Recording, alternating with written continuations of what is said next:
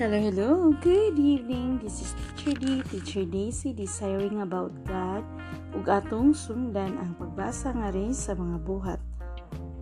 So, are you ready? Let's pray and close our eyes and feel the presence of the Lord. Sa samahan sa anak sa Diyos por Santa. Amen. Diyos samahan, nasa langit, dagang salamat.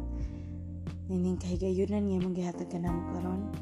Ug tabangi kami nga mas mahinangpon sa pag-andam sa imong pag-abot. Hinaton ta ang mga sanga-sanga sa among kasing-kasing mga kahingawa, labi na ang mga sala. Mas uh, mahinulsula namo. Amo itugyan kanimo ang among mga kakulian. Amo usab iyampo kanimo Ginoo. Ang mga tao nga nagkinahanglan nila bina sa imong panabang hinautontang ilang Espiritu Santo buhi nga magagiya kanila. Tabangi sila nga mas makabati sa imong pulong o tabangi sila nga makitaan. Nga dili kami nga tao ang mas importante. Dili ang among sitwasyon ang importante kung dili mao ang pag-ila sa imong mga suko kining tanan na magipangayo sa lamatan pinagi sa ngalan ni Hesus Kristo among Ginoo maluluwas amen. Sa samahan sa anak sa Espiritu Santo. Amen.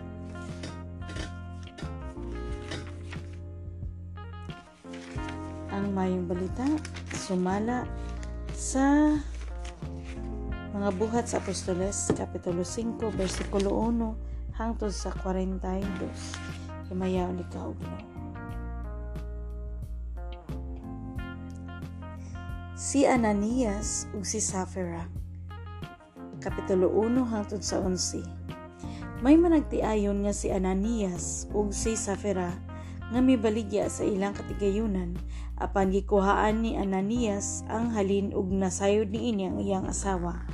Ang nahibilin gitugyan niya ngadto sa mga apostoles. Si Pedro miingon kaniya, Ananias, nganong nagpatintal ka man ni Satanas ug namakak sa Espiritu Santo. Pinaagi sa pagtipig ug bahin sa halin sa katigayunan. Sa wala pa nimo ibaligya ang katigayunan imo kadto. Ug sa dihang nabaligya na ang halin imo gihapon. Karon nganong na makakaman dili ang mga tao ang imong gibakakan kun dili ang Dios sa pagkadungog ni Ananias ni ini natumba siya ug namatay. Ug ang tanan nga nakabalita ni ini nangahadlok unya nanuol ang mga batanong lalaki ug giputos nila ang iyang lawas ug gidala sa gawas aron ilubong sa paglabay sa mga tulo ka oras, misulod ang asawa ni Ananias apan wala siya masayod sa nahitabo. Si Pedro mingon kaniya, Tugaan ni ako, maura ba kini ang halin sa inyong katigayunan? Si Safira mitubag, Oo, maura ka na. Busa si Pedro mingon kaniya, nganong nagkasabot man kamo pagsulay sa Espiritu sa Ginoo. Ang mga tao nga naglubong sa imong bana anaa sa pultahan ug dad-un kausab nila sa gawas. Diha-diha natumba si Safira sa tiilan ni Pedro ug namatay. Unya misulod ang mga batanong lalaki ug ilang nakita nga patay na siya. Busa gayayungan nila siya ngadto sa gawas aron ilubong tupad sa iyang bana. Nangahadlok pag-ayo ang tibok simbahan ug ang tanan nga nakabalita niini. Mga milagro, versikulo 12 hangtod sa 16 daghang mga milagro ug mga butang nga katingalahan nga gibuhat sa mga apostoles diha sa mga tao.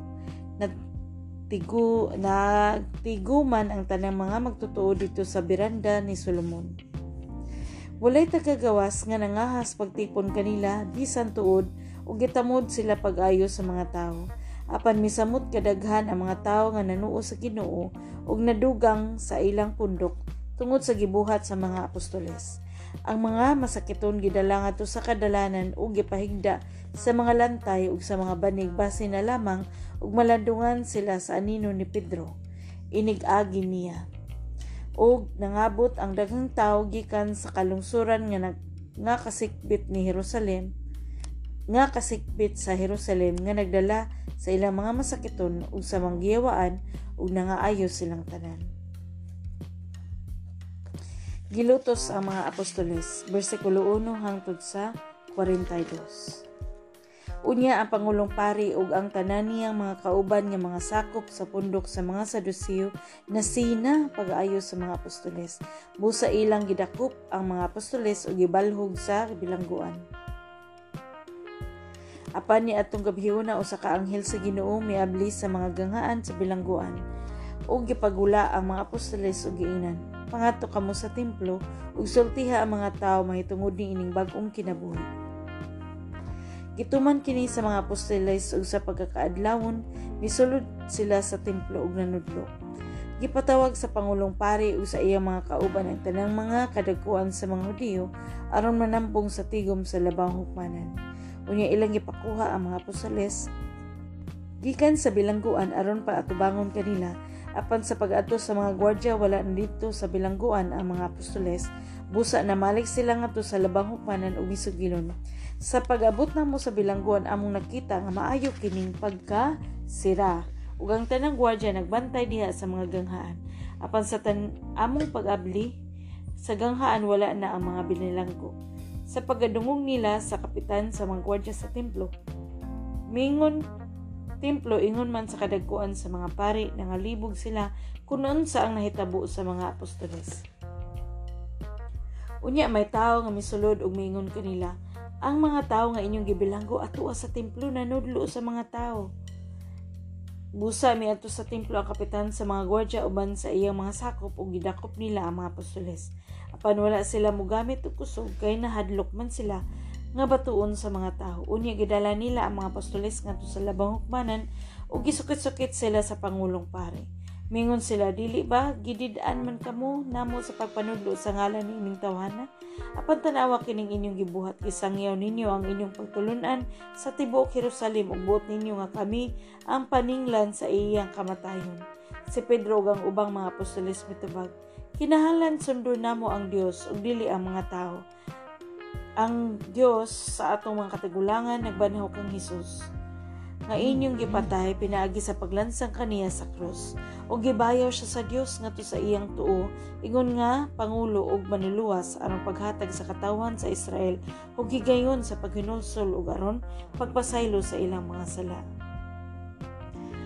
Saksi kami ni ining mga butanga ingon man ang Espiritu Santo nga mao ang gasa sa Dios ni adtong mag nagmasinungtanon kaniya.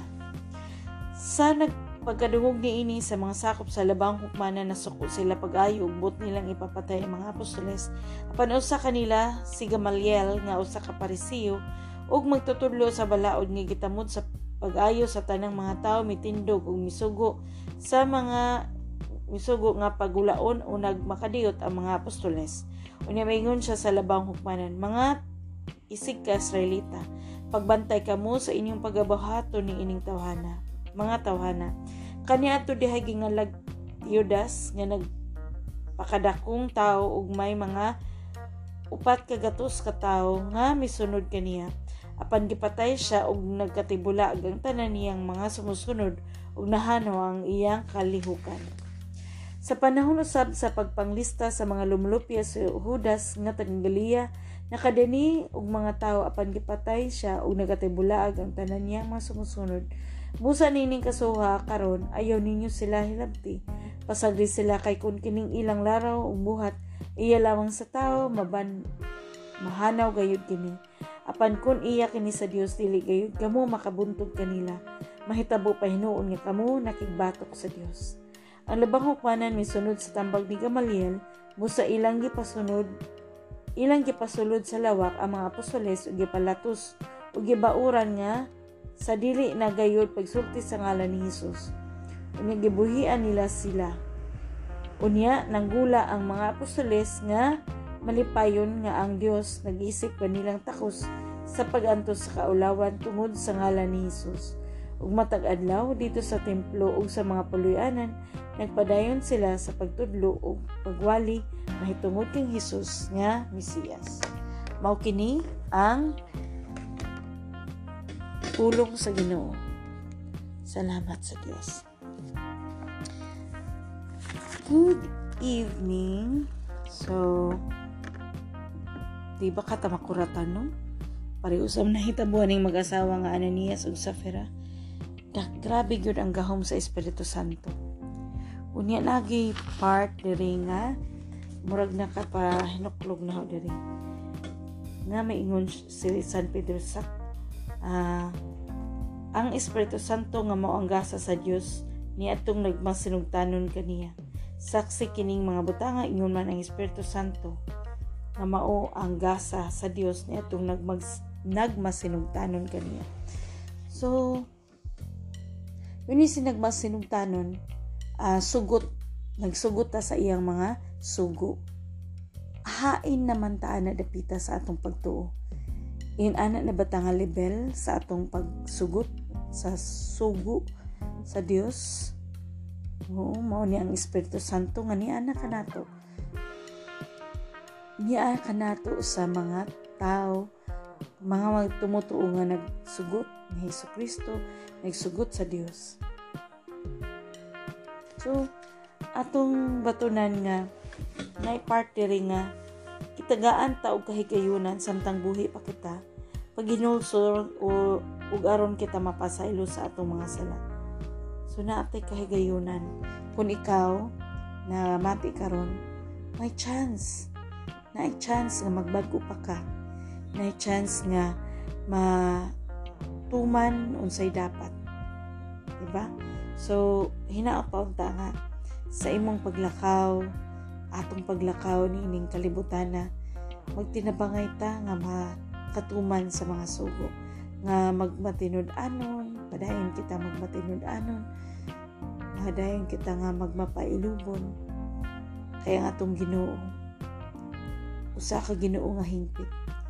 Ang atong Ginoo usa ka Ginoo nga matarong. So kung kita mga uh, sakop sa iyang banay sakop sa iyang dapat no? Mapakitaan kini sa atong mga buhat. So hinapaon ta nga ang Espiritu Santo may magagiya kanato para mabuhat ta ang gustong ipabuhat sa Dios. Dinhi na lang kita kutob. This is teacher D. Teacher Daisy desiring about God. And good night.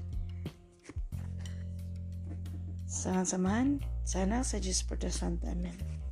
Diyos nga mahan, daghang salamat ini kay gayunan, ngayon maghihatag ka na mo karon o ginapunta nga ang mga pulong sa pagpangandam nga kinahanglan namo mag magpasaylo, magbuhat o saktong buhat o amo kining ihala diha kanimo isip ikaw ang among Dios ikaw ang among amahan. O pinagi sa ngalan ni Yesu Kristo, tabangin kami na magiyahan. Amen. Sa samahan sa anak sa Diyos Santo. Thank you and bye!